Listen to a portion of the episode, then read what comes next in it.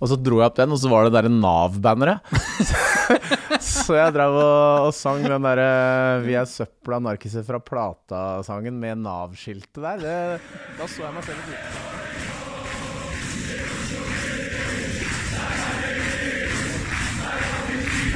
Du hører på Stang ut på overtid, en lydfanzine om Vålerenga fotball.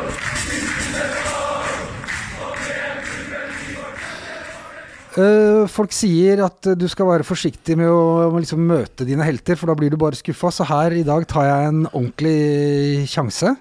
Her sitter jeg med en uh, av mine og veldig mange i Vålerenga-supporteres uh, uh, fotballhelter. Eh, jeg er litt starstruck rett og slett her jeg sitter, med Freddy Dos Santos. Velkommen til Stang ut på overtid. jo, takk for det. Og det er jo Ja, det, det er lenge siden jeg har følt litt på den der, at man har den effekten på noe som helst. Så det er litt hyggelig, da. Sånn eh, for uh, Bringer tilbake noen gamle minner. Men ja, takk skal du ha, Jon. Og det er hyggelig å være her. Det er godt å høre. Um, vi sitter jo her fordi uh, jeg regner med at du har veldig mye fornuftig Eller ikke fornuftig, det, det, det kan vi sikkert diskutere. Men interessante ting å si, for du er jo Altså, min podkast skal ikke handle så mye om fotball, men handler mye om alt som skjer rundt fotballen. Og jeg introduserte deg når jeg ba om eh, Twitter-innspill som om du er en Altså en supporter som har vunnet serien og cupen, eller om du er en, en, en, øh, en øh, fotballstjerne som har funnet deg til rette på tribunen etterpå. Eh, Det ene passer vel sikkert inn i en tid og en i en annen, men når du tenker på deg sjøl og Vålerenga, hvor er det du ser deg sjøl akkurat nå? Nei, Det er som du sier, det går litt i sykluser. fordi eh, da jeg var liten og spilte Vålerenga fra, fra jeg var en åtte-ni år, så, så var jeg ballgutt på Bislett og hadde store, store fotballhelter i Vålerenga. Henning Bjarnøy og Snappern og den gjengen der. Eh, og så og så var det jo, ble det jo til da, at jeg fikk lov å komme tilbake og spille her selv. Eh, noe som jo definerte mye av meg. Eh, både da og i ettertid. Eh, så forbinder jo veldig mange meg med Vålerenga. Eh, selv om jeg hadde noen år også i andre klubber. Så er det jo det som står meg så nærme. Da. Og da, derfor så er det vanskelig å frita meg fra den rollen, egentlig. Selv om jeg, eh, jeg jobber jo i norsk toppfotball. Vi Ja. representerer jo alle klubbene i Eliteserien og i Obos-ligaen. Ja. Så strengt tatt så skal man jo ha et eh, visst hvitt flagg som henger litt opp, da. Men eh, det ville jo vært falskt å si at jeg ikke heier på Vålerenga. Så, så det godtas selv om jeg kommer på besøk på Lerkendal eller i Bodø eller noen andre steder. Ja, for det, det visste de når de ansatte deg, regner jeg med. Ja, det, det gjorde de. og så er det jo sånn da at de fleste som på et eller annet vis er engasjert og jobber rundt norsk fotball, kommer fra et sted. Altså De kommer jo ikke fra eh, plutselig dukka opp og fotballinteressen kom da de var voksne. De aller fleste har et etablert forhold til en eller annen klubb. Og det er vi jo egentlig glad i, at folk har det engasjementet. Og så kan man bruke det i fotballverdenen, så er jo det superbra. Ja, det må vi jo heie på. Um, snakker om engasjement. Uh, vi sitter jo her nå uh, på en torsdag. På mandag så så jeg deg på i fansonen utafor her. Først på scenen, hvor du snakka med noen eh, gamle helter. Du snakka med Vidar Davidsen, og du snakka med Tommy Jacobsen. Ja, det er, eh, det er storheter i, i Vålerenga-sammenheng, det. I norsk fotballsammenheng i det hele tatt. faktisk. ja. Og så så jeg deg i fansonen etterpå, med supportere og liksom den delen av verden. Du ser ut som du, du sklir liksom inn bru, overalt hvor, du, hvor det liksom Vålerenga er. Ja, det kan du kanskje si. Altså, det er jo Nå om dagen så er jeg jo først og fremst supporter når jeg er på, på Intility eller på andre arenaer og ser på Vålerenga. Men akkurat denne gangen så ble jeg spurt om å, om å bidra litt i fanzone, og det gjør jeg jo gjerne hvis jeg har mulighet, og det hadde jeg.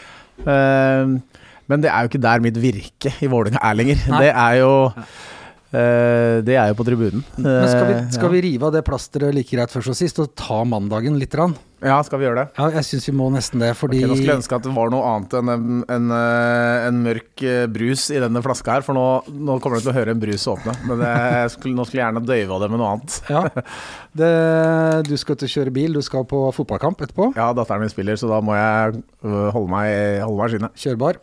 Det er eh, bra. Um, det er altså en kjempekamp. Det er topp internasjonale rammer. Stadion er pakka full lenge, lenge før kampen. Det er kø langt ned i gata. Det er liksom Du merker liksom at det er overtenning på bussen på Carl Berner på veien opp, og det er eh, fantastisk TIFO i begge ender. Vi kan vel strekke oss så langt som å si det. I hvert fall var det det i den blå enden. Det er røyk, og det er en enorm lyd, og det er liksom Altså, det, dette er så fett som fotball kan bli. Um, hvordan er det å spille sånne oppgjør? Ja, det, det er jo For det første så, så er det jo vanskelig å ikke savne det. Uh, Det er vanskelig å tenke at man skal få erstatta det på noe vis. Uh, At man kan komme i en sånn situasjon hvor, eh, hvor man har den eh, De ståpelsen på armene og, og den eh, gleden og nervøsiteten samtidig. For man står inni den eh, spillerslusa, og det kjente jeg alltid på i sånne kamper. Da, eh, da kjenner du at du lever litt, når det er det bruset utenfra. Eh, og jeg misunner jo de spillerne som har det nå, selv om jeg er veldig glad for at det ikke er meg akkurat nå om dagen. Men jeg savner, jo, jeg savner jo muligheten til å kunne gjøre akkurat det. Eh, og så det må er- være jævla deilig. ja, det er jo helt uh, fantastisk. Ja. Uh, hverdagen, også i Eliteserien, er jo sånn at det er ikke fulle stadioner og den stemningen som er her. Så når du har den muligheten Vi hadde det jo tidvis når vi da spilte vi på Ullevål, uh, i noen kamper der, så var det jo samme trøkket. Og ja, det er helt fantastisk. Jeg, ser, jeg klarer å se det både fra liksom, spillernes side, men også fra tribunesiden. For jeg ser jo rundt meg på tribunene, eh, og du ser jo hvor egentlig både eh, Nå tapte vi jo kampen, da, men hvor stolte eh, både klubben og supporterne er av det vi får til, når vi, når vi først trøkker til. Uh, og jeg ser det til og med fra, fra norsk fotballside, fordi jeg sitter jo oppe på kontorene til norsk toppfotball. Og altså Folk uh, snakker jo om den kampen langt utenfor uh, Valle, eh, fordi det er det er nok noe helt unikt, og så vil jo kanskje noen klubber påstå de har noe tilsvarende, og det, eh, det kan de jo påstå. Altså det, Derby er jo bra eh, mange andre steder også, men jeg syns denne kampen her er helt spesiell. Ja, og så tenker jeg om andre klubber. De gjør fantastiske ting og har kamper som er utsolgt, og, og med like stor smell, så vil jo ikke det på noen måte gjøre den dagen noe mindre, tenker jeg da. Uh, så hvordan, nå skulle jeg spørre hvordan er det å sitte og se på, men du har i og for seg nesten dekka det, vært inne på det. Men hvordan er det Jeg vil jo tro, nå vet jo ikke du åssen det er å være jeg holdt på å si være meg, men jeg vil jo tro at det, at det er litt annerledes for en spill, som har vært spiller, å sitte og se på. Er det et, får du en eller annen sånn derre uh, Faen, gjør sånn da, gutter! Eller altså, er det et eller annet inni deg som øh, som klikker litt? ja da, ja både og. Altså, jeg ser det av og til fra et fotballfaglig ståsted. Eh, sånn som når vi får en mann utvist og vi klarer å ri av til pause, Mm. så står jeg og prater med noen eh, kompiser her oppe. Eh, og så vet vi jo hvordan eh, andre omgang blir. Og så, og så kan man jo si at på mange måter så Det kan man spå på forhånd. Ikke at det kommer til å slippe inn mål på overtid osv., men at vi kommer til å få trøkk mot oss. Og så er det jo ikke sånn, da. Tenk deg en annen kamp, så er det jo ikke sånn gitt at eh, i løpet av 45 minutter så vil du slippe inn tre mål, selv om det er en mann mindre. Så det, det er jo fullt mulig å forsvare seg eh, når du har to mål å gå på. Dessverre så, så glipper jo jo til 50 sekunder, da, den første der. Så, eh, så jeg går liksom fra å være sånn relativt eh, trygg på at vi skulle eh, klare å liksom ri dette i land. Mm. Syns vi var så gode de første 40 minuttene at eh, ok, der er, har vi spilt på selvtillit, og Lillestrøm får ikke dette til å flyte helt. Og det syns jeg heller ikke de gjorde utover, men de, de har, har noen matchvinnere, og da eh, Ja, da blei det som det blei. ja. Hva føler du da? Nei, det blir, man blir jo både forbanna og skuffa og litt stolthet og alt, ikke sant. For det er jo ikke kult å tape mot Lillestrøm. Det er, sånn er det jo. Det har jeg gjort sjøl, og eh, jeg vet at det Nei, det svir jo ekstra. Altså, Lillestrøm hadde jo en av sine beste klubbdager eh, på, på mandag. Eh, vinne 4-3 borte mot erkerival på overtid. I en sånn som føltes litt ufortjent til meg. Det, det, det blåser jo de, det driter jo de i. eh, Selvfølgelig, de har vunnet den kampen, så det, det er jo helt irrelevant, egentlig. De har bare vunnet, og det er, det er jo Må de jo nyte herfra i evigheten. Og det er liksom, for så vidt bra at de nyter det, for hvis det hadde vært helt eh, vanlig dag på jobben, så hadde det ikke betydd noe. Da hadde det ikke vært så gøy heller. Men øh, da, jeg regner jo med at det var eh, De som eh, var utpå der, hadde, hadde en tung kveld. Men så har vi da Nå har vi spilt noen kamper. Vi har spilt mot Ålesund, vi har eh, spilt mot Sarpsborg. Så har vi tapt mot Brann og tapte nå mot uh, Lillestrøm. Og har jo fått en uh, ja, en, en ganske sånn eh, vrien start. Og så skal vi til Lerkendal på lørdag. Ja. Og så er det Haugesund borte etter det, før 16. mai. Hvordan er det å være Vålerenga-spiller nå? Hvordan forbereder de seg på at de skal faktisk kunne slå Rosenborg? For det må jo være ambisjonen.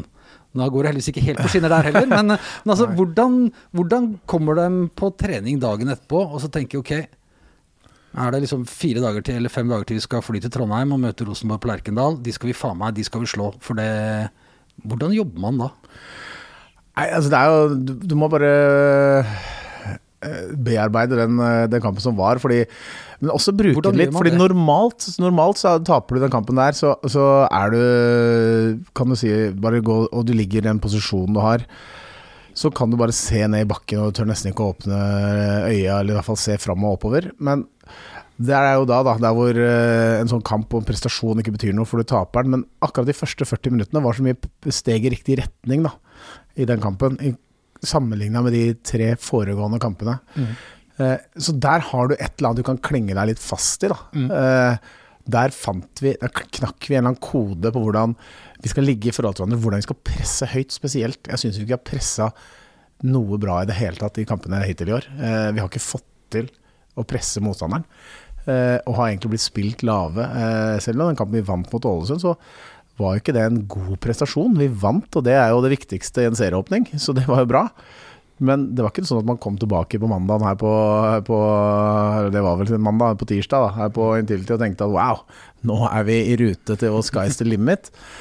Og så når du da får to trøkker på rad, Sarpsborg og Brann, så, så hvor det ikke sitter i det hele tatt, så da kan du begynne å lure litt. Men jeg, jeg håper iallfall at de klarer å knagge de første 40 minuttene på et eller annet, og fortsette med det. Eh, Og så er det jo som du sier, det er ikke dans på roser på Lerkendal heller om dagen, så så der er det litt sånn derre selvtillitsknekk mot selvtillitsknekk, og hvem er det som klarer å få den gode opplevelsen som får det inn i sitt spor? Det tror jeg blir litt viktig, egentlig.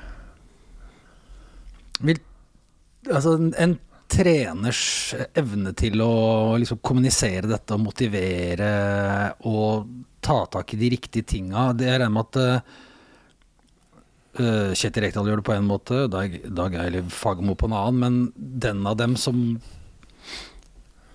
som som gjør det best, kan det rett og slett være utslagsgivende for uh, lørdag? Ja, det kan det jo for, for så vidt. Altså, Kjetil Rekdal er jo Jeg har jo ikke hatt Dag Eilif, så jeg har liksom ikke sittet i garderoben med han noen gang. Så det er, det er jo egentlig lengst unna å vite hva han, akkurat hva han gjør, selv om vi får litt innblikk gjennom denne serien som vises nå og sånn, og hva jeg har hørt. Men som Kjetil Rekdal er jo han er sånn som motiverer seg selv gjennom å tenke at uh, akkurat denne kampen som kommer nå, det er det andre laget Det er sesongens kamp for det andre laget.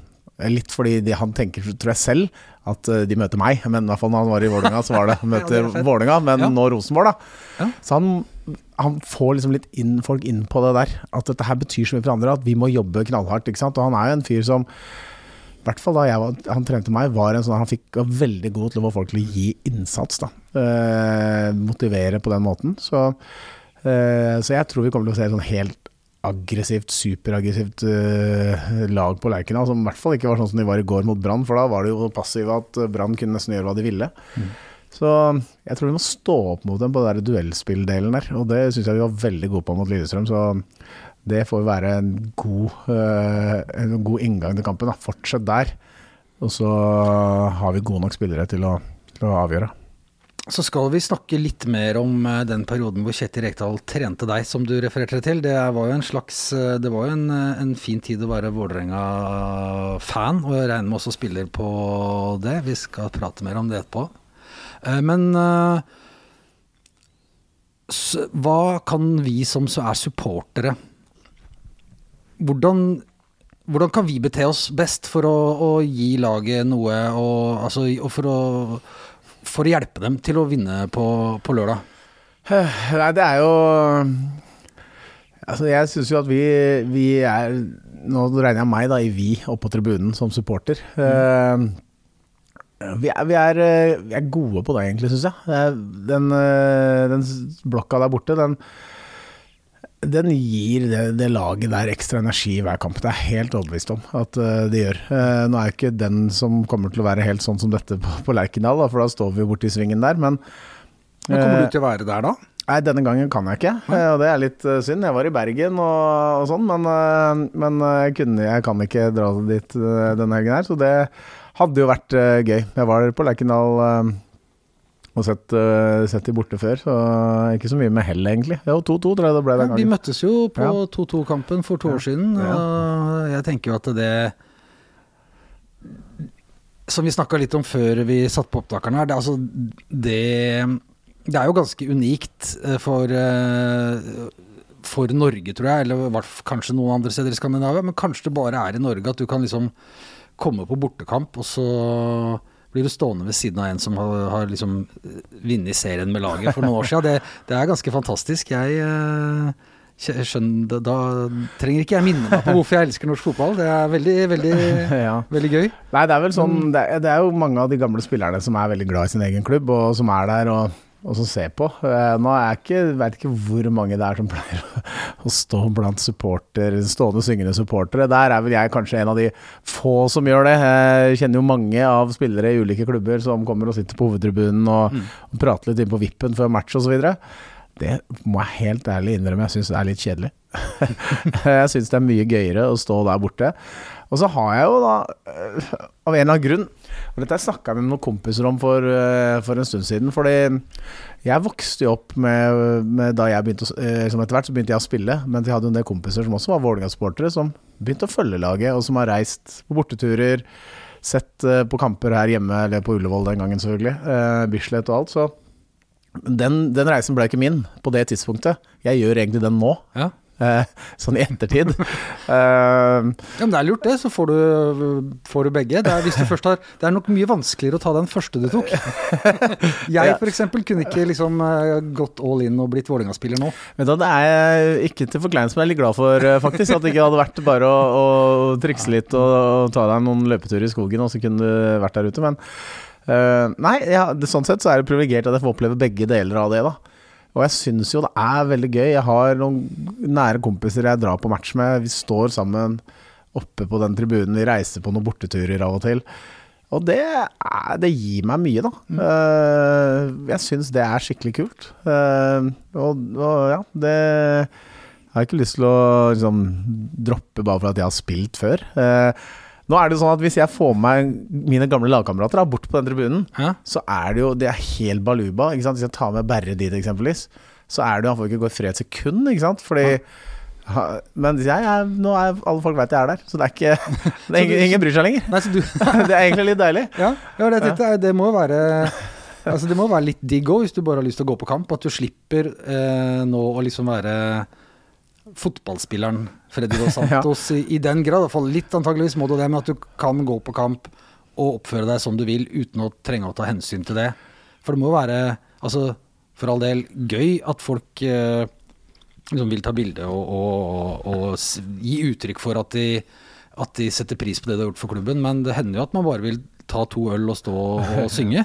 ja, det er eh, absolutt. Altså. Øh, og det er sånn I normale kamper så, så, går det veldig fint. Nå var det jo ganske mange som ikke normalt er borte på den, øh, den svingen der denne kampen. Da. Når det er smekkfullt, så er det kanskje 1000 ekstra som, som ikke er der hver gang. Og det, Jeg skulle gjerne ønske at de var tilbake hver eneste gang, ja, for det er jo en helt fantastisk opplevelse. Men men da blir det jo litt mer den stilen, at fader, er du her? Eh, altså når det er de vanlige 2000 som står der borte eh, på den siden der, så, så tar vi en øl og skåler og en high five, og det er det. Ja. Så må du ta litt hensyn. Jeg husker når vi møttes i, i Trondheim, og det så kom det noen karer som rulla ned som balaklava og skulle holde opp noen noe sånne uh, tekstbanner og sånn. Da, da, så du ble litt rar i fjeset og tenkte at uh, dette er kanskje ikke Jeg vil gjerne vite hva som skal stå på det båndet foran meg. Ja, altså det er jo krafta. Der jeg jobber òg. Altså det kan jo komme opp noen uh, Det kunne blitt noen rare bilder i avisen. Ja, det kunne jo det. Altså, jeg jobber jo bort på Ullevål stadion. Hvis det står liksom der med plutselig en hater NFF-banner, så hadde det vært litt, uh, vært litt, vært litt pussig. Uh, en gang så var, det var faktisk første gang jeg holdt borti et sånt banner. Det var borte mot Stabekk. da hadde vi reist ut dit. Og så, og så sto jeg liksom midt bak der, og så fikk jeg en sånn tostangsbanner. Så den her skal du holde opp eh, på neste sang, var det en sånn. Ja, ok, greit. Og så dro jeg opp den, og så var det derre Nav-banneret. så jeg drev og, og sang den derre 'Vi er søpla narkiser fra plata'-sangen med Nav-skiltet der. Det, da så jeg meg selv litt utenfra en periode og tenkte at dette er, dette er festlig hvis noen ser meg nå. Ja, så du syns det, det, det, er gøy? Det er ja, ikke noe problem? Så, ja, ja, når det er sånn, så er det null, null problem. Det er såpass eh, selvironi og lite høytidelig, sa jeg meg selv. Ja, men det er godt. Det, det, var, eh, det var ikke det verste du kunne fått. Nei da, det var ikke det, altså. Absolutt. Um, vi var jo så vidt inne på det i stad når du sa når han trente meg. Du hadde spilt i Vålerenga når du var liten. Og så spilte du noen andre klubber, Skeid, Molde. Men du spilte i Vålerenga i hvor mange sesonger ble det? Elleve sesonger? 10? Ja, barlaget var elleve, og så var det jo fem år da jeg var liten. Altså, ja, hvis man skal akkumulere der, så ble det det ble jo noen.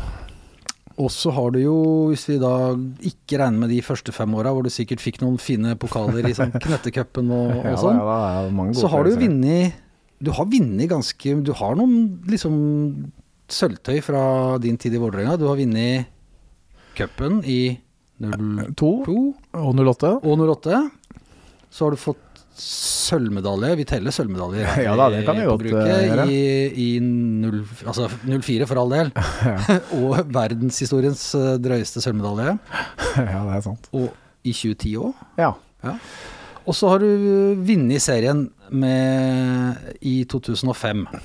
Ja, og så hadde vi bronse da i 2006. Som jeg glemte. Ja, ja Men det er jo en medalje. Så du har jo Så i den grad man kan si så at man rykker opp og kan få en medalje, da, det veit jeg ikke. Vi rykka jo opp, da. Altså. Jeg var jo Jeg spilte min første sesong i Obos-ligaen, eller da het det jo sikkert Adecco? Ja, jeg husker ikke om det var blitt det en gang da, men det var Adecco, eller det var førstedivisjon, eller hva det var. Eh, men det var i hvert fall 2000, 2000 ja, ja. Nei, 2001. Ja. Vålerenga rykka ned i 2000. Jeg hadde skrevet under på høsten her, og så mm gikk det jo ikke helt veien i kampene, så jeg skrev under Eliteserien og havna i Obos-ligaen uten å, å, ha spilt uh, noe særlig. Eller spilt i det hele tatt, men ja, sånn er det. Men da kom du jo si, med, fra et Molde som var i ganske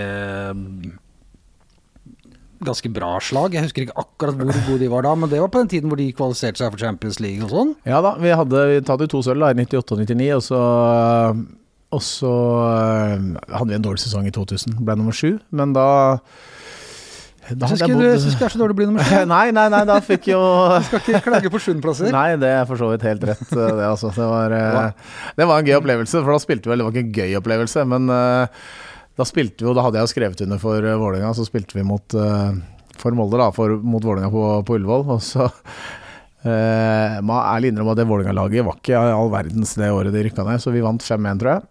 Og så, og så fikk, jeg, fikk, jeg, ballen sånn litt på midten omtrent, og så ropte hele Vestbredden 'skyt'! og så tenker jeg Jeg hadde ikke gjort det på 0-0, hadde jeg ikke hatt guts til, men vi leda 4-5-1, så jeg tok ballen, snudde meg, og så druste jeg ballen tilbake mot egen keeper. og så måtte Morten Bakke dempe den. Det var, det var skudd fra midten, så han klarte å redde den. Men han, jeg fikk en skyllebøtte av Morten Bakke, som seinere ble min lagkamerat i Vålerenga også, mm. for at jeg gjorde det. Men uh, jeg fikk iallfall applaus. da, Det var første applausen jeg fikk fra fra klanen. Og så ble det, noen. Det er jo en milepæl, det. Ja, Men hvilken av de sesongene, hvis du skulle kunne liksom reise tilbake og spille en sesong til, en gang på nytt, hvilken sesong hadde du, hadde du tatt igjen? uh, Altså det, jo, det, hadde vært lett liksom å svare at jeg hadde valgt den uh, straffa i bygget om igjen, da. oh, ja, ja. Kanskje jeg skulle tatt den uh, på nytt hvis jeg hadde hatt sjansen, men uh, Det er jo ikke en sesong. Nei, det er ikke en sesong. Men la oss dvele litt, dvele litt ved den, da, siden du hadde tenkt å la den ligge. ja, men, hadde, ja. ja, men du kan jo, nå har du tatt den opp. Jeg, jeg forventa egentlig at det var det du Eller trodde det var det du forventa, men um, Da kan vi bare De fleste som hører på podkasten har vel konteksten her, men vi har da vunnet serien i 2005, og så er det kvalik til Champions League Ja, det er, vel, det er vel nesten rett, for vi kom jo til Champions League her etter at vi ble nummer to i 2004, så det er vel Ja. før 2005-sesongen, egentlig. Ok. Ja. Ja. Og eh, lang historie kort. Eh, det er uavgjort etter to kamper og ekstraomganger, og så er det straffekonk. Mm. Og så Ja, du kan jo fortelle, du som var der. ja da. For jeg har noen spørsmål rundt det. Du hadde det, ja? Ja. Ja, nei, den øh, Nei, det er jo da bort mot øh, Brygge. Vi har øh, øh, vunnet 1-0 her hjemme. Jeg tror Steffen Iversen skåra, hvis jeg ikke tar feil. Og så øh, og så sliter vi jo fælt i, i Brygge. Eh, ligger i Kjetil Rekdals 3-4-3-formasjon, men blir pressa bakover, så det er vel strengt tatt 5-4-1 vi spiller. Og blir øh, Jeg låner vel ikke så mye ballen, egentlig, men rir det av. Jeg har til og med mann utvist og klarer å ri det av, blir øh, straffekonk, og så Eh, så dette er ganske funny, vet du, for er Jeg gikk jo i ti år Mm. og fortalte den historien sånn at eh, Ja, og så kom den siste straffa, og så eh, var det meg, og så uh, bomma jeg, rett og slett. Keeperen redda, slo den i stanga, og den gikk ut. Og så skårte de, og det gikk videre. Og så satt jeg hjemme ti år etter, og da hadde jeg fått Jeg, jeg hørte jo om denne straffa ganske hyppig da, i de, de, de ti årene. Det, først så var det jo ukentlig og daglig og så videre, og så ble det litt, litt mindre hyppig enn det. Men ja, det, det kom opp ganske ofte i mitt liv. Jeg var jo i Vålerenga-sfæren, ikke sant. Og så sitter jeg og ser på TV, og så, og så ser jeg på Trygdekontoret, eh, Thomas Seltzer-programmet. Og så er det noen gjester her, vi skal snakke litt om eh, press, å være i pressa situasjoner er liksom tema. Og, så, og så er Bernt Hulsker eh, en av gjestene. Og så kommer da kommer da spørsmålet til Bernt om at ja, du har vært i en sånn liksom vanskelig pressa situasjon tidligere. Og hvordan, hva tenker du om det? Hvordan var det? Eh, og så forteller han at du skulle ta en straffe, en veldig viktig straffe. For han tok jo straffe nummer to, og jeg nummer fem, men han skulle ta en veldig viktig straffe i, i Brygge i Champions League-kvaliken. Og så svarer Bernt Ja, Thomas, men eh, før jeg svarer på det, så vil jeg bare si at Freddy Dos Santos bomma også. og det og det Jeg, bare, jeg ble så paff, fordi jeg hadde gått i ti år uten å nevne Bernts navn med, eh, med et ord. Nei, og, Eh, og så fikk jeg den, så jeg sendte melding til Bernt. da Fordi det er jo ikke direkteinnspilling, dette, så jeg kunne jo sende melding til ham med en gang. Han svarte. Så jeg med i alle dager, Bernt. Liksom. Hva er det du driver med? liksom? Kaste meg under bussen. Og så, og så sier han at uh, Freddy, jeg må svare på en tekstmelding. Freddy, dette har jeg ikke brei nok skuldre til å bære aleine. Så jeg nevner deg alltid. Sånn. Som jeg har litt formildende omstendighet når han sier det på den måten. Jo, Og så har jeg nevnt han stort sett alltid etterpå, så da, så da har han fått det tilbake. Brukt litt eksponeringsterapi på barn. Nei, men for det er jo forskjellig hvordan folk Du ser at han skal, altså Det virker som du prater om det på en, eh, en grei måte, men han klarte virkelig ikke å forholde seg til det. Jeg har sett et, et klipp på VGTV, tror jeg, hvor det blir liksom skal vises, og han, han klarer jo ikke å se på det fysisk. Han, han snur seg bort, og det ser nesten ut som han holder på å, å liksom eh, besvime. For han, han nekter å se det. Ja, det er, eh, Han beskrev det egentlig ganske godt i den, eh, den settingen etterpå, når han skulle forklare hvordan det var. Han sa jeg kom nærme nærme målet, eh, og målet ble mindre og mindre. Noe som er helt unaturlig ja. når du går mot noe. Eh, så det var sånn han følte seg. Han følte som eh, oppgaven ble bare større og større, og vanskeligere og vanskeligere jo nærmere han kom det målet. Da. Sånn at eh, Det kan man jo si at det er det press gjør med deg, da. Eh, og det opplevde både han og jeg veldig på kroppen i det tilfellet. Jeg kan jo si liksom Jeg, jeg skøyt jo de aller fleste straffene mine mot venstre, og det eh, Og skåra jo på de aller fleste. Eh, og så har jo helt sikkert denne keeperen og hans team gjort forarbeid på akkurat det, da. Så han uh, kasta seg til riktig side. Det var ikke en situasjon hvor jeg hadde uh, ryggrad nok da, til å variere fra det som var det trygge. Men hvor det mange, mange vurderinger gjør du? Hva tenker du på? Tenker du gjennom de tinga der, eller? Ja. Det går fram mot der, ja. Du har Ja, det- ikke bestemt deg liksom før Jo da, jeg bestemmer meg jo. Jeg, jeg, jeg, jeg går for mitt trygge hjørne, Mm. uh, selvfølgelig. Og så går du bortover, og så ser du keeperen, og så uh, går du der, så bare så får du den derre i tanken i hodet at eh, faen, kanskje han vet jo at jeg egentlig pleier å skyte dit, kanskje jeg skal bytte. Det tenker jeg, men jeg sier til meg selv nei, jeg går hardt mot det vanlige hjørnet jeg alltid skyter. Eh, og der var jo han. Eh, så kan man jo angre på det i ettertid, da. At, man, at jeg ikke, eh, at jeg ikke endra. Men eh, Ja, det var eh, Så det, det sparket, hvis du spør igjen uh, fall et øyeblikk jeg skulle gjort om igjen, så hadde det vært det. Men eh, Jo, men jeg, så for, for, jeg ikke slipp det helt nå siden du tok det opp, fordi jeg har vært uh, veldig fascinert av, av straffespark òg, skjønner du. For jeg uh, har, eh, har vært på et veldig veldig kult foredrag som jeg vil anbefale alle å gå på hvis de får sjansen, eller søke det opp på YouTube, så, av en eh, norsk eh, professor som heter Geir Jorde, tror han er professor i hvert fall, Ja da, som har skrevet jobber- eh, straffesparkets psykologi. Og det er altså noe av det mest fascinerende jeg har hørt. Og det handler jo egentlig om hvordan prestere under press. Og så har han forska på, jeg tror han har sett alle straffer som har vært i VM. Vet ikke om han har tatt med, men altså enormt mye. Og så hva har de til felles som treffer. Og det begynner jo med altså, hvor langt tilløp tar du, hvor god tid tar du deg. Og også det med konsekvenstenking. Som de som tenker Fy faen, hvis jeg bommer nå, så er vi ute. Det er, det, dette er? Da er sjansen din for å bomme sånn 30% større. Hvis du tenker yes, nå skal jeg skyte straffe. Den skal, jeg setter den der, og da er vi faen meg, da er vi i finalen.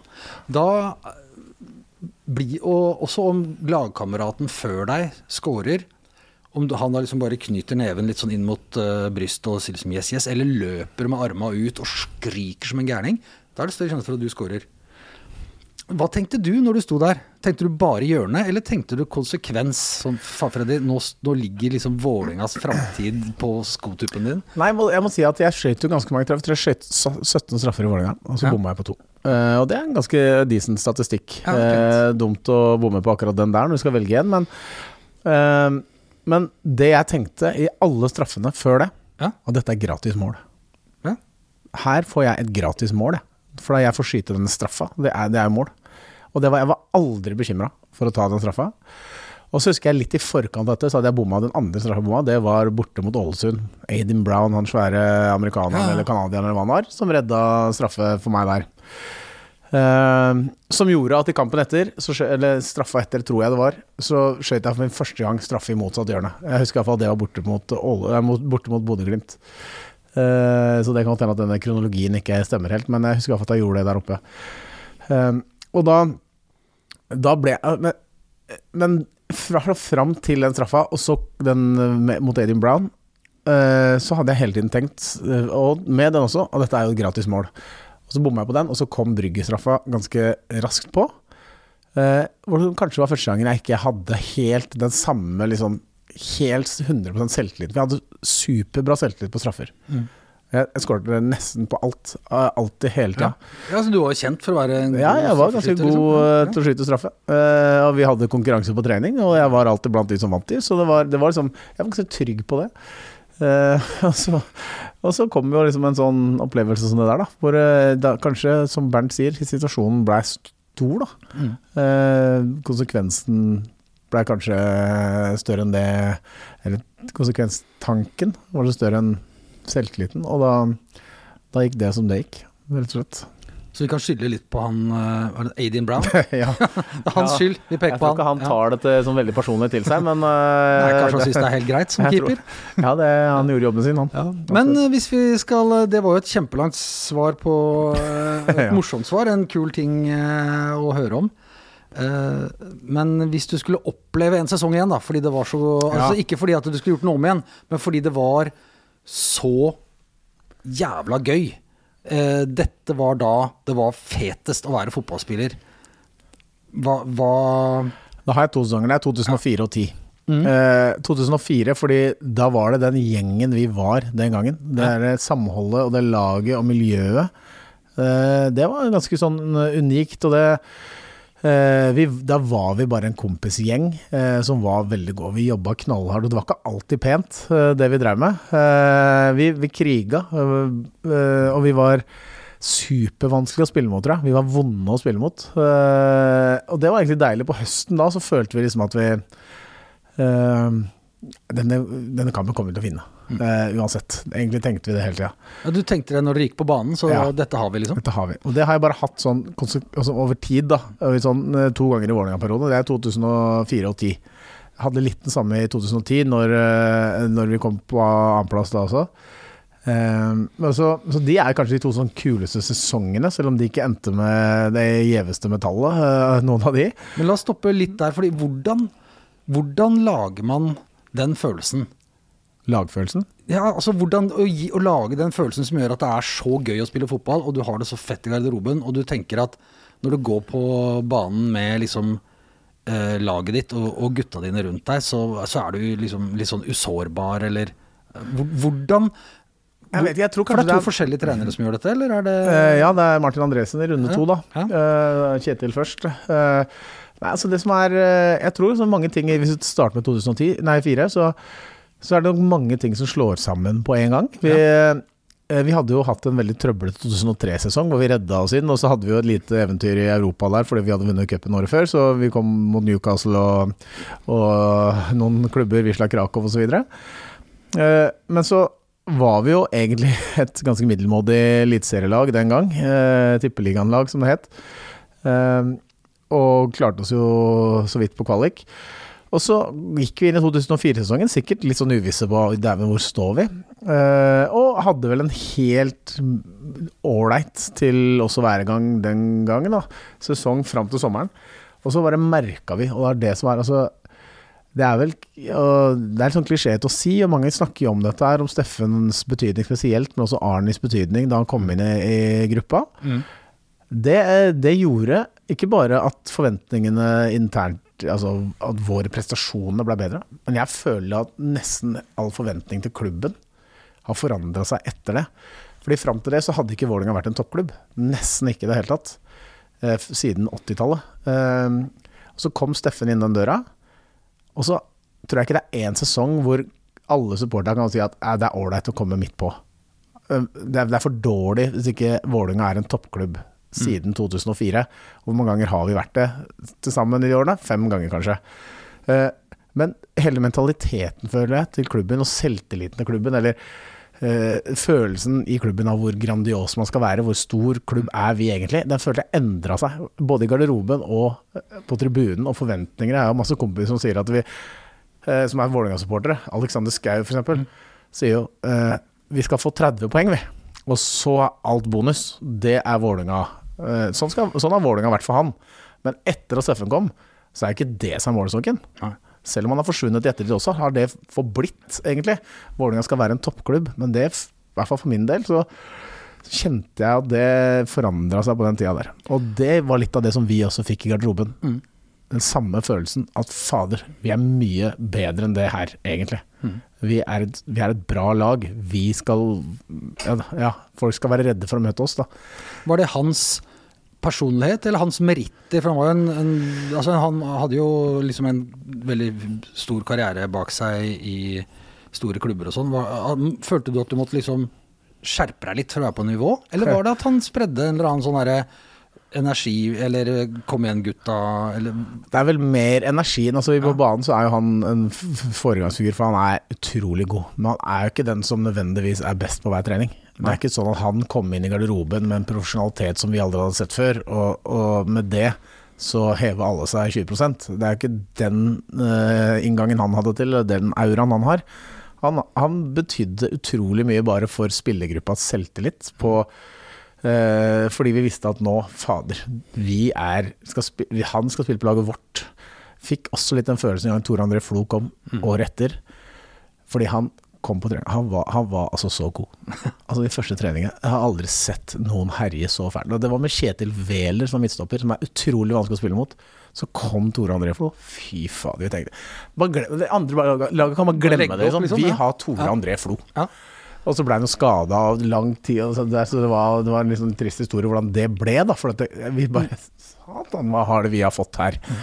Eh, og sånn var det litt med Steffen òg. Han har Det var liksom et nivå inne, men også en aura da, som bare ga oss andre troa på. Da.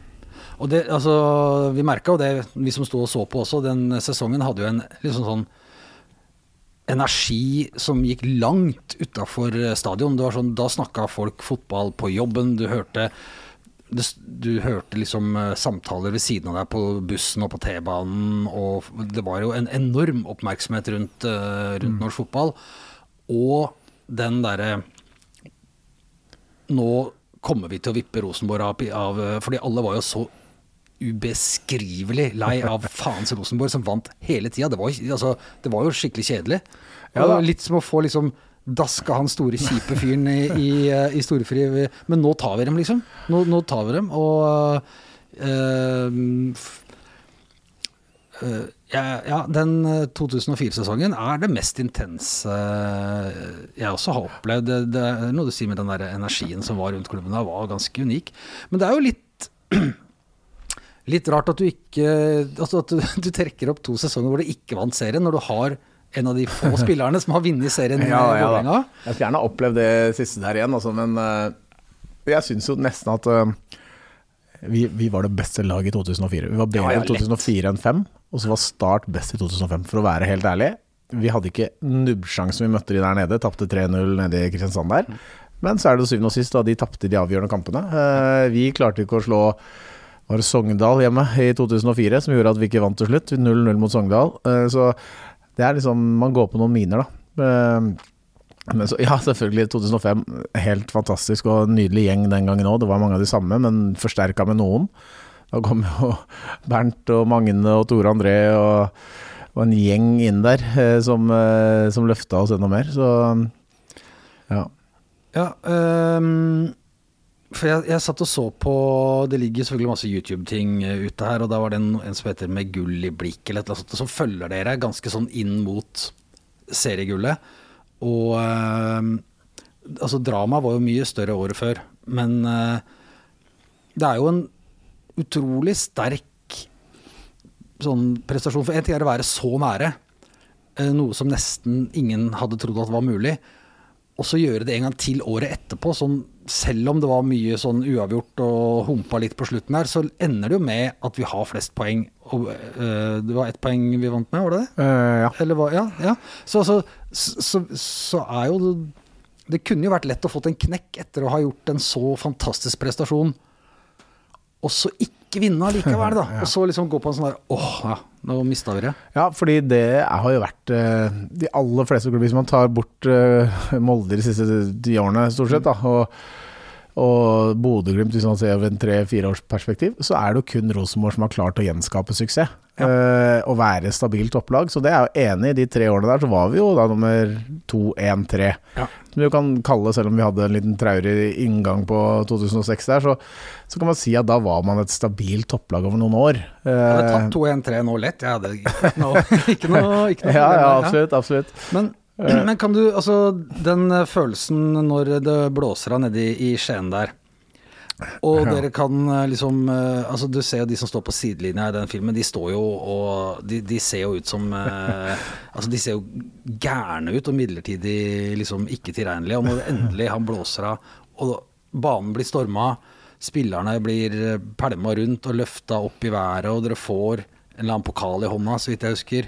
Ja da, det ble, ble litt sånn fordi vi måtte i garderoben først for at man skulle rydde der litt. Altså, vi fikk jo etter hvert en Man satte opp noen sånne veldig eh, midlertidige sperringer ute på, ute på banen der, så man fikk et lite pustehull hvor vi kunne få tatt eh, mot denne medaljen, den pokalen. da.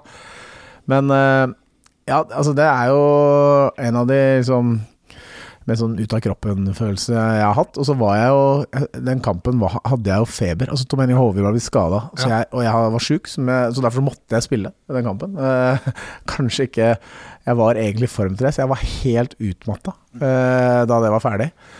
Eh, og jeg husker det kom noen og reiv av meg både drakt og shorts, og jeg hadde shorts heldigvis fikk jeg lov å beholde på, for jeg hadde ikke noe under. Men strømper og sko og alt forsvant på mange måter. Det er litt synd det å løpe rundt der i bare strømpene.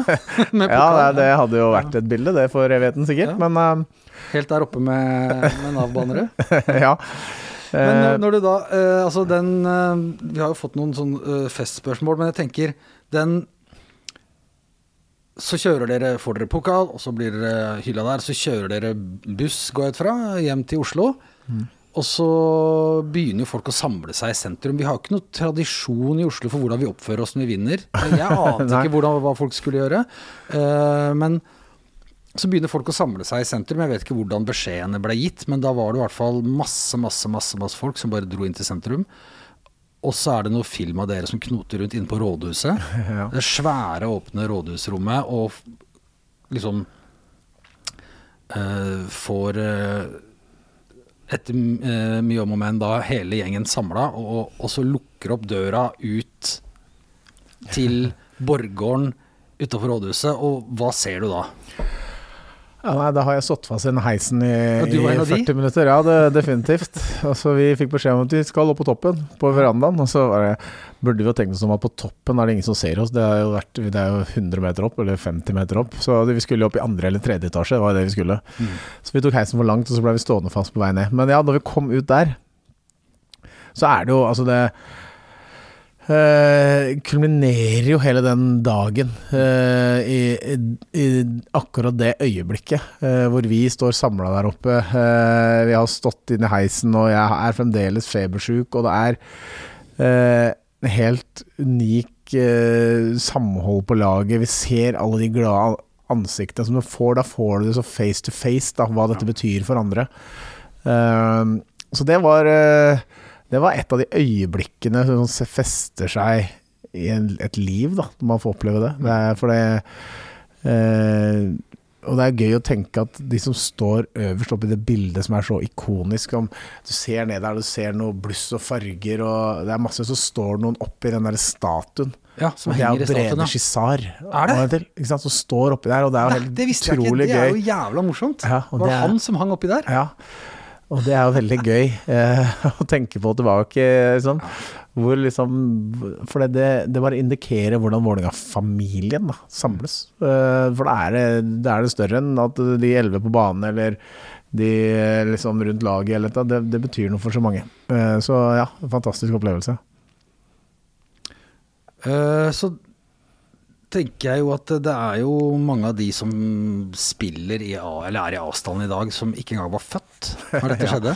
Ja da, det, det skal du gni inn, eller? At eh, det begynner å bli noen år siden og begynner å bli litt Nei, jeg tenker jeg gnir jo like Ja. hardt innpå meg sjøl. Ja, ja. eh, men altså, tror du at de har sett eh, Har de sett den filmen? Har de tenkt at Skal Mm. ikke nevne navn, men har de, har de sett eh, YouTube-videoen? Veit de at dette er mulig, liksom? Dette er, dette er egentlig det vi forventningene burde ligge på. Da. Dette kan du få oppleve.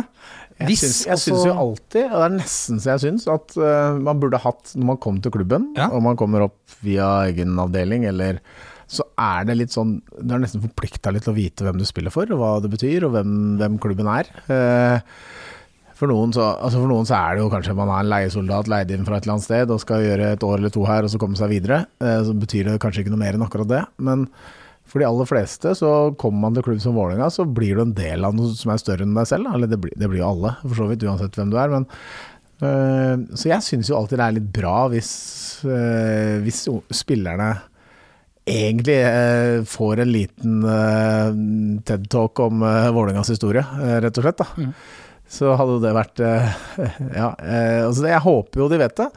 Jeg håper vet, de vet at de og det gjelder ikke bare oss, da, men den gjengen som vi møtte utpå her med, med eh, Vidar Davidsen og Tom og den gjengen her, som har vunnet enda mer enn det vi har vunnet, så, så står man på skuldrene til noen eh, liksom, giganter tilbake i historien, da, eh, som de kan strekke seg etter. Så mm, jeg håper jo virkelig at de, eh, de kan noe om det, lærer noe om det, skjønner hva det betyr, hva, hva de representerer.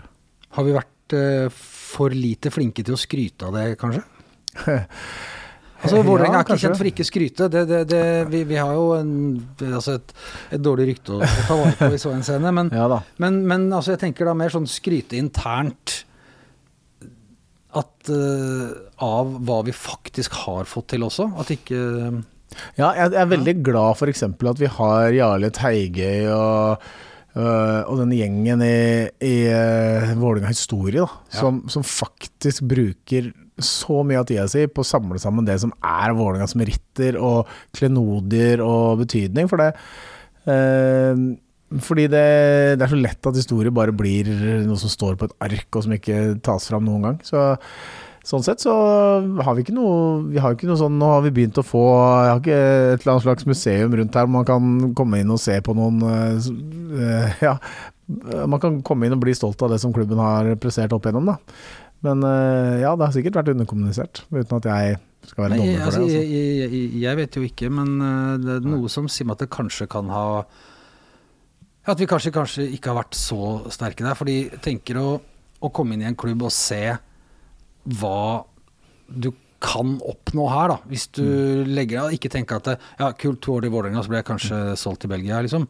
Men at jeg kan vinne noe på vegne av en klubb med en 110 år lang historie. Jeg kan skrive meg inn i den historieboka. Ja. Hvis jeg går på jobb hver dag med det for øye, så tenker jeg at det vil være en eh, Det ville vært en motivasjon som hadde hadde gleda meg, i hvert fall. Hvis jeg visste at de, at de visste det.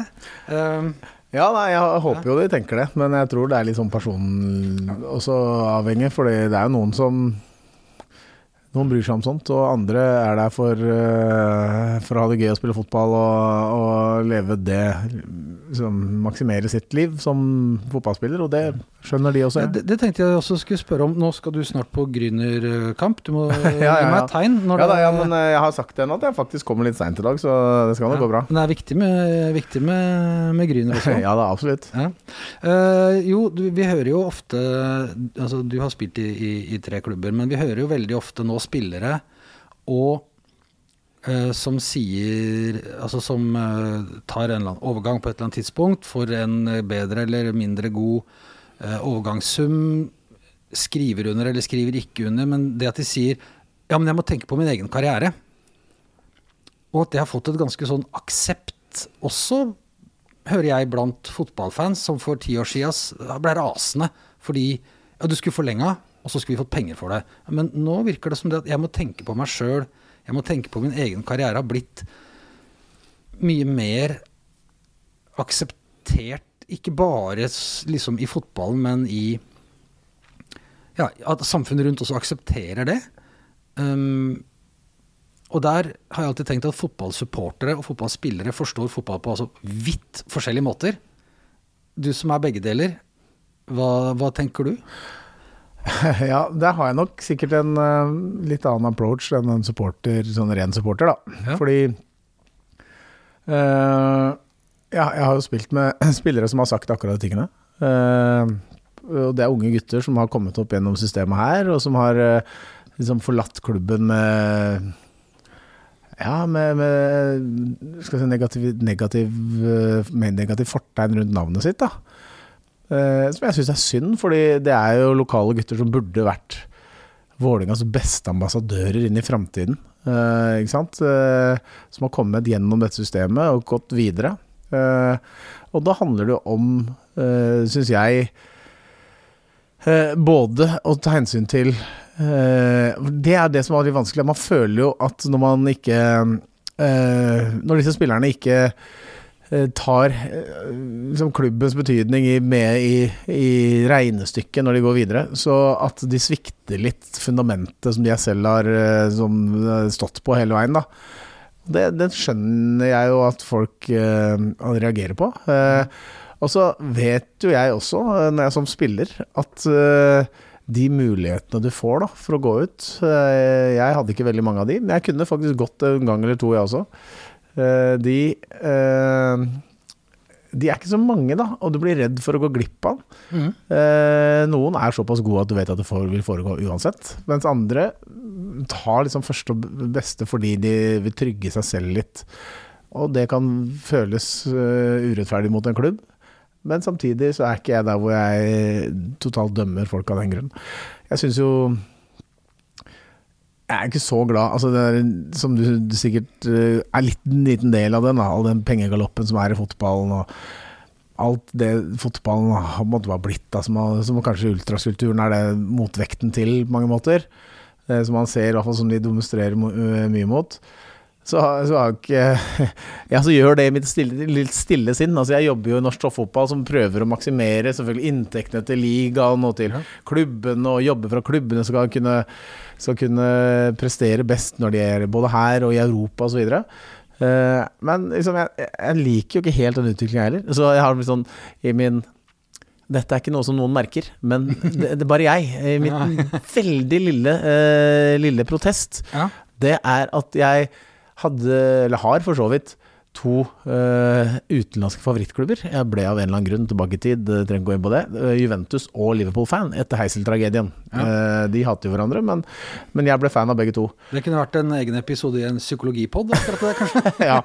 Ja, Men, jeg mitt stille protest er at når de gikk inn for den superligaen, så avfulgte jeg de i alle sosiale medier og ser bare kamper hvis det er der. Eh, det betyr ingenting for de. Det betyr ing ingen som merker det i verden. Nei. Men jeg vet det. For det, det syns jeg var så døvt. Det, det. Det var dråpen for deg, liksom? Ja, det, Den Superligaen? ja, da liksom da Det blei Det ble så, så mye ting på en gang, og så kom dette. Så tenkte jeg at da, da, det har ikke jeg lyst til. Nei. Uh, Nei, men jeg tror det er Det er litt gjenkjennelig, fordi jeg har en del sånne ting, og jeg snakker med mange som har det litt på samme måten, som på et eller annet vis har mista en glede over noe de har vært veldig glad i, da. Som bare rett og slett Det er ikke, ikke det at jeg ikke så på den og den kampen eller det og det mesterskapet i protest, men jeg var ikke så interessert lenger.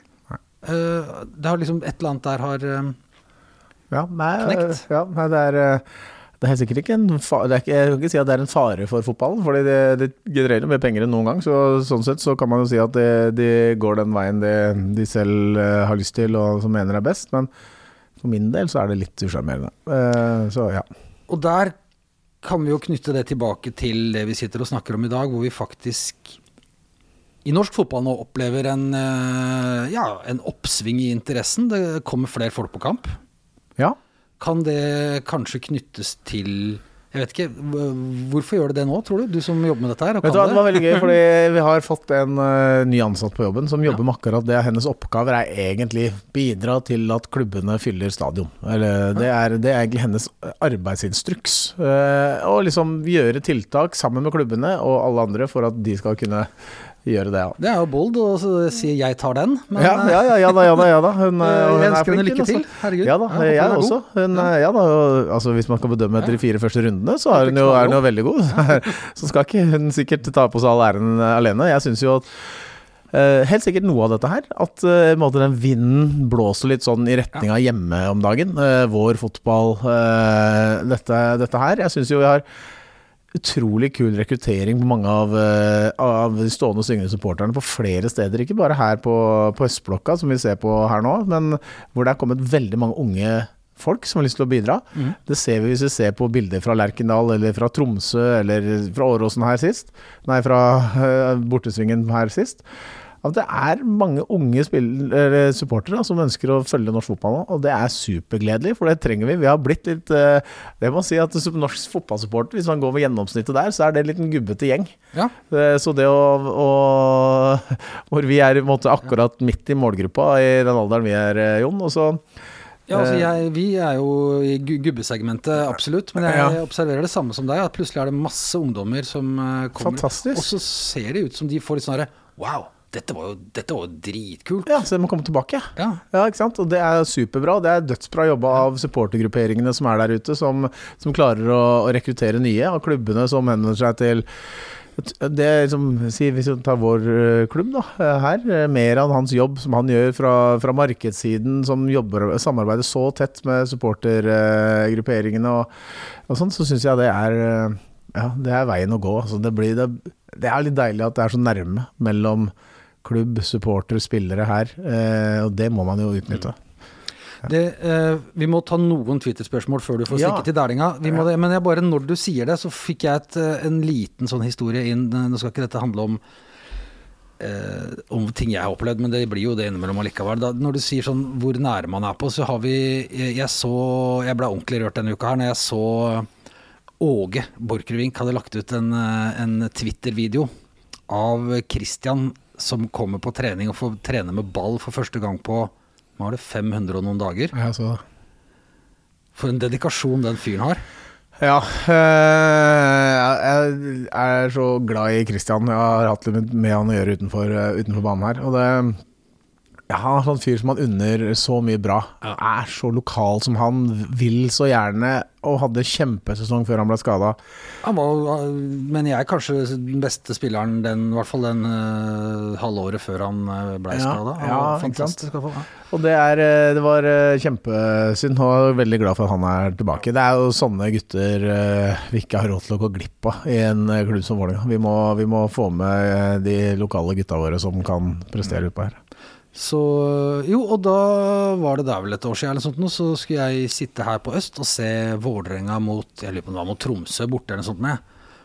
Og da, da kom jeg inn, og så er det en du liksom drar litt kjensel på, som har med seg krykker, som sitter Og der sitter liksom en av spillerne på laget, Christian Borchgrevink, sammen med et par kompiser på supporterpuben på stadion. Tar seg en burger og en cola og ser på laget sitt på TV. Det er ikke så mange steder du opplever det. Nei. Du ser ikke det, når, liksom, du ser ikke det i, PSG, du ser ikke det i Nei, og, i da er det, og han gjør det liksom uten Ja. at han skal øh, få en oppmerksomhet rundt det. Han, vil bare, han er der av naturlige grunner. Og det, ja. Så hvis vi gjør den historien kort, så kan vi si velkommen tilbake, Christian Borchgrevink. Vi håper å se deg på banen snart. Det, det Gå, vært, eh, gå, ja, gjør gå forsiktig fram nå så du holder deg skadefri, og så er du i full vigør snart. Uh, det har kommet noen spørsmål, som jeg sa. Vi skal, eh, og jeg, kanskje har vi vært innom eh, Så veit jo ikke jeg hvem av disse som kjenner deg, men la oss begynne med Meran, da. Som, Ja, han eh, kjenner jeg. Ja, som tross alt eh, eh, vi har vært innom, og som er en av eh, grunnene til at vi får lov å sitte her. Han sa 'spør om trappa'. Hva betyr trappa for Freddy? Ja, det er jo et, øh, et gøy spørsmål, fordi da den stadion her ble bygga, så jobba jeg i Vålinga. Ja. Så da satt jo jeg på hovedtribunen her. Eh, Men da jeg ikke gjorde det lenger, så bevegde jeg meg over på Østblokka, som ikke het det den gang, men uansett, nå er det det. Eh, sammen med noen kompiser, og de hadde stått der fra dag én. Eh, og dette er noen som velkjente Vålerenga-ansikter, av Robin Grov og Vegard Bakkehaug og Jonas Almås og gjengen.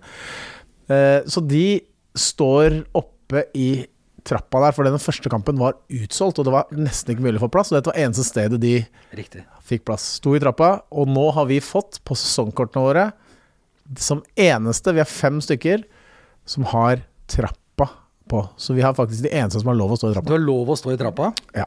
Det er øverst eh, på den, når man ser på tribunen, den venstre siden eh, inntil midten der. Øverst der eh, har vi faktisk fått en tillatelse, så da til, litt til KSTs eh, fortvilelse noen ganger, men, men vi Ja, den får de ta. Den får de ta. Ja, det får de ta. er, det er vel fortjent. Altså. Og det er Meran som er fortjeneste, så det var bra. Takk. Eh, Christian er det en du kjenner? Han spør deg om den mest uh, legendariske Vålerenga-festene. Uh, du har vel vært inne på noen fester her allerede? Så sier han enten som deltaker eller performer? Et ledende spørsmål. Oi, jeg vet ikke hva en performer ligger i her, men Oi, ja, ja, ja. Nei, det var skjønner du spørsmålet ty tydeligere av det? Ja, nei, da Det, det har jeg sikkert fortrengt, da, hvis jeg har uh, driti meg ut som noen performer noen gang. Men jeg, jeg har jo den, den aller første husker jeg var hjemme hos sjappesjefen Frode Weide. Det var i 2000. Han det har jo kommet den høsten der. eh, eller kanskje det var vinteren 2001. Da. Det var eh, den første gangen jeg traff innom en, en Vålerenga-fest. og så hadde jo noen altså Det var jo litt mer lov tidligere enn det der nå. Jeg syns jeg aldri ser disse gutta ute lenger, men det var jo en annen tid nesten, bare da jeg spilte, selv om det ikke er altfor lenge siden i år. Så, så det, det ble jo noen. Eh, Jeg må jo si at eh, de, den generasjonen jeg akkurat nevnte i stad, 2004-2005-generasjonen, vi var nok gode på kanskje eh, også sosialisere utenom, eh, utenom arbeidstid. På restitusjon? Restitusjon, ja. Ja, Det, la, oss kalle det, viktig. Ja. la oss kalle det det. Vi hadde noen botfester og sånn som var fantastiske, så ja. eh, trenger sikkert ikke Det var gøyest når du var der, helt uh, opplagt. Antageligvis. Eh, og heldige var de som var det. Maestro spør hadde du noen ritualer før kamp, og har du det som supporter? Oi eh, Ja. Eh, altså det, dette, er- nå føles det jeg må jeg liksom avslører noen psykisk problem, men eh, jeg hadde nummer seks. Jeg måtte gjøre allting seks ganger. Og det gjør jeg litt ennå. Ikke Oi. alt i hele verden, men akkurat noen sånne type ting. Uh, for eksempel, eh, det kunne være og det, det måtte ikke nødvendigvis være det samme hver eneste gang. Jeg kunne F.eks. hvis jeg Når man løper fram og tilbake og varmer opp og tar sånn Du vet, du hopper eh, sidelengs, ikke sant, og Ja. sånn. Alltid seks ganger på én siden, for jeg snur til den andre. Seks ganger, seks ganger siden. Det var sånne ritualer som jeg gjorde som bare Det måtte være Og det kunne, trengte ikke å være det hver gang. Det måtte være et eller annet som jeg bare Åh, ja, det må jeg gjøre seks ganger. Det kunne være å ta på meg strømpen eh, sånn opp og ned på leggen. Altså, det kunne være hva som helst. Dro men, du eh, strømpa opp og ned seks ganger? ja, kanskje jeg satt i garderoben da, før jeg skulle inn. Eh, seks er runder ikke- med teip, f.eks. eksempel. Det høres jo ikke sunt ut. Nei, men det var ikke sånn at jeg alt måtte gjøre det. Men det Nei. måtte være en ting eller to hver gang som jeg gjorde det. Og så vet jeg at noen ganger tapte vi, så det betydde jo ikke noe til eller fra, men sånn psykisk så var det viktig for meg. Og det, det fins jo noen sånne ting også. Eh, når vi går fra øst, f.eks., Ja. så kan det hende at jeg tar den siste lesken med Pepsi, da, hvis man sier det er det, da. Må ta seks Eh, Pepsi. eh, nei, seks slurker, da. Ja. Eh, siste At du må gå opp i seg. Ja, det kan være. Altså Sånne ting. Ja. Det er, og det høres jo helt crazy banana ut, men jeg lever godt med det og har ikke noe problem og, og må ikke snakke med noen. Nei, det ødelegger jo ikke livet på noen måte. Nei, det gjør ikke det. ikke ting. Jeg Ja. hadde en venn som gikk med en strømpe Nei, en kronestykke i strømpa mange år etter cupfinalen i ja, Så, så folk eh, har sine ting. Ja. Um, uh, så er det en som spør om Freddy har ambisjoner om å komme inn i VIF elitestyret. Og også den, å, hvor letta var han når straffesparket mot Stabæk gikk inn i, i siste match? Ja. Det var jo et veldig todelt spørsmål. ja, det handla ikke om det samme. Nei, det gjør Eh, det er lettest å svare på det straffespørsmålet, da. Fordi det er jo eh, Det er jo eh, er det vi snakker om Det er jo siste sparket på ballen omtrent i min karriere. Ja. Eh, Jeg legger opp i 2011, og så, straff, eh, så er, møter vi jo Stabæk i siste match og vinner 2-0. Og så skyter jeg en straffe som går via tverrliggeren og inn. Eh, Og det er den første straffa siden brygget. Så det er jo, for da gikk det jo seks år uten at jeg tok straffe. Da tok du seks år før du gjorde det på nytt. Ja, ja. ja. Dæven, det har jeg ikke tenkt på engang. Eh, Men ja, det, det er jo riktig. Eh, Så da jo, det var, det var lettelse, det, altså. Eh, Jeg angrer litt på Ti eh, av ti? Ja, ti av ti. Men jeg skulle kanskje, hvis jeg skulle angre litt på noe, så var det at For det var ti minutter igjen, eller kvarter eller noe sånt. Mm. At jeg ikke bare skøyt den straffa inn, bare gikk av, gikk opp på tribunen. Eh, For jeg spilte, og så bytta meg ut fem minutter etterpå. Jeg kunne like godt bare gått av. Så det hadde vært det siste sparket. Det angrer jeg litt på i ettertid, men Ja, det sånn ble du det ikke. på. Ja, det skulle skulle tenkt du på. på. Ja. Det skulle du. Men uh, skal du inn i elite, VIF elitestyret? Det spørsmålet det kan du få la henge hvis du vil. Ja da, nei, jeg har blitt spurt noen ganger, men det går jo ikke an i kraft av jobben min, så kan jeg jo ikke det. Um, så spør øh, Olum får vi et comeback som Amazing Race-programleder. Ja, så var det noen som spurte, eller kanskje skal vi stupe under der? Jeg så jeg det spørsmålet der. Det skal vi stupe. Den blei vel uh, tatt øh, på Lerkendal i går av, av Pereira. Ja, ikke bare han heller. Ja, Så, så den får du ikke. Den, den har Den har de overtatt. Ja, den ble, den ble innspilt i Trondheim, så det, sånn sett så har den holdt seg der oppe. Eh, og Roar Strand og Mini vant jo den gangen, så det, det høres veldig trøndersk konsept ut. Eh, ja, nei, det er uh, vær Race skulle Altså, det er en oppfordring til alle forsvarerne våre eh, på lørdag. Hold Ja.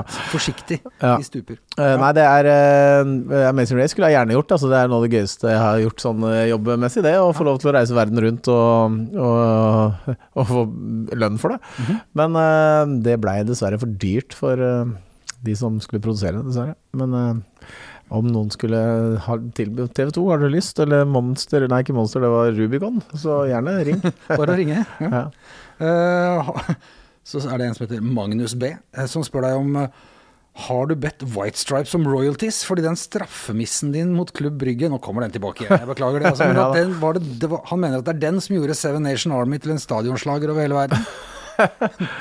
Dæven, der har jeg gått glipp av en inntektskilde, da. Hvis jeg, Jeg for det har jeg jo var VM 2006, men det begynte altså allerede der. Ja, det, sannsynligvis, da. Eller kanskje. Eh, Det, jeg prøvde å kanskje å unngå å la atmosfæren prege meg rett i etterkant av den, så eh, Det jeg husker best der, var eh, David Brokken som kom og la armen over skulderen min og sa Today, Freddy, we get drunk.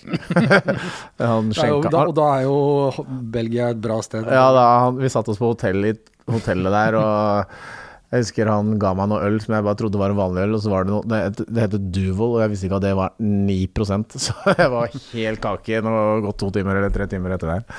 Det var sikkert, uh, sikkert en, uh, en grei utgang på den kvelden der. det. Ja, nei, det var, det var en deppestemning. Men royalties ble det aldri. Nei, det ble dessverre ikke det, altså. Uh, ja, hvis jeg får nummeret til Jack White, så skal jeg ta kontakten, men jeg tror det er vanskelig.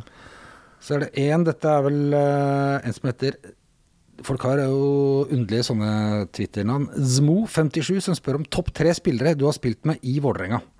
Og den beste treneren du har hatt. Ah, ja. uh, Ta spillerne først, da.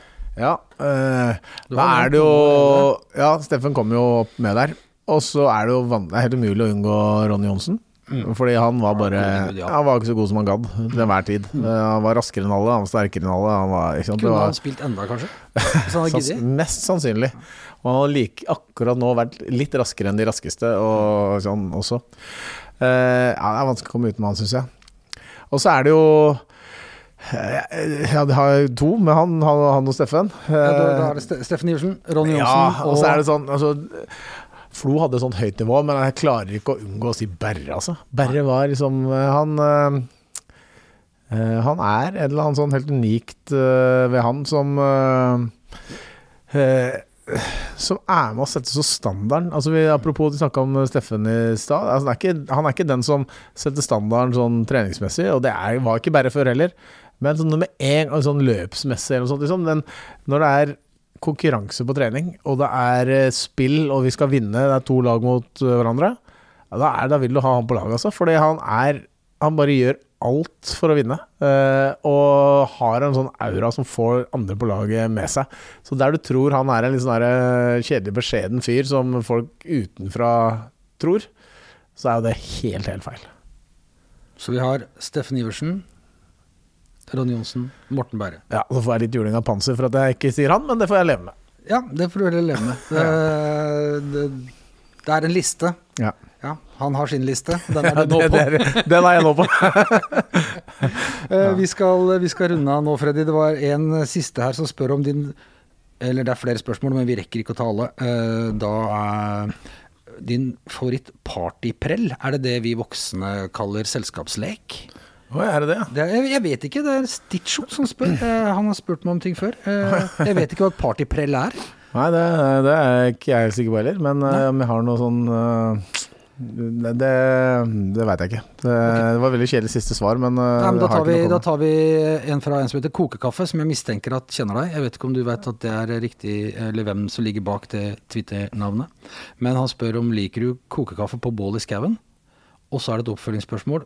Hvilket postnummer er best av 0666 og 0664? Gir det mening? Ja da. Jeg er oppvokst på 0665, da. Eh, så jeg vil si ingen av de. Eh, Åpenbart. ja, det er uh, bort på Ulven her, i Ulvenveien, som er rett over gata her. Det er 0665. Så jeg svarer det. Eh, og så syns jeg de andre to stiller helt likt, da. Eh, ja. Mm. hva var det andre? Kaffe i bålet? Eh, Liker kaffe- kokekaffe? Hans eh, Twitter-navn er Kokekaffe, så regner jeg med at han liker kokekaffe. Ja, jeg koker kaffe hver dag, ja, så det definitivt. Eh, Kjempebra. da. Skal vi la det bli siste ordet? Kaffe er helt nydelig som avslutning, det. Tusen takk for praten, det har vært eh, kjempegøy. Eh, Så bra. mm. Det er hyggelig å være her. Det var veldig hyggelig å ha deg på besøk. Da takker eh, jeg for eh, følget. Jeg er Jon Hernes, og du finner Stang ut på overtid både på Twitter og Facebook hvis du vil nå oss. Og så sier vi takk for i dag, og vi høres neste gang.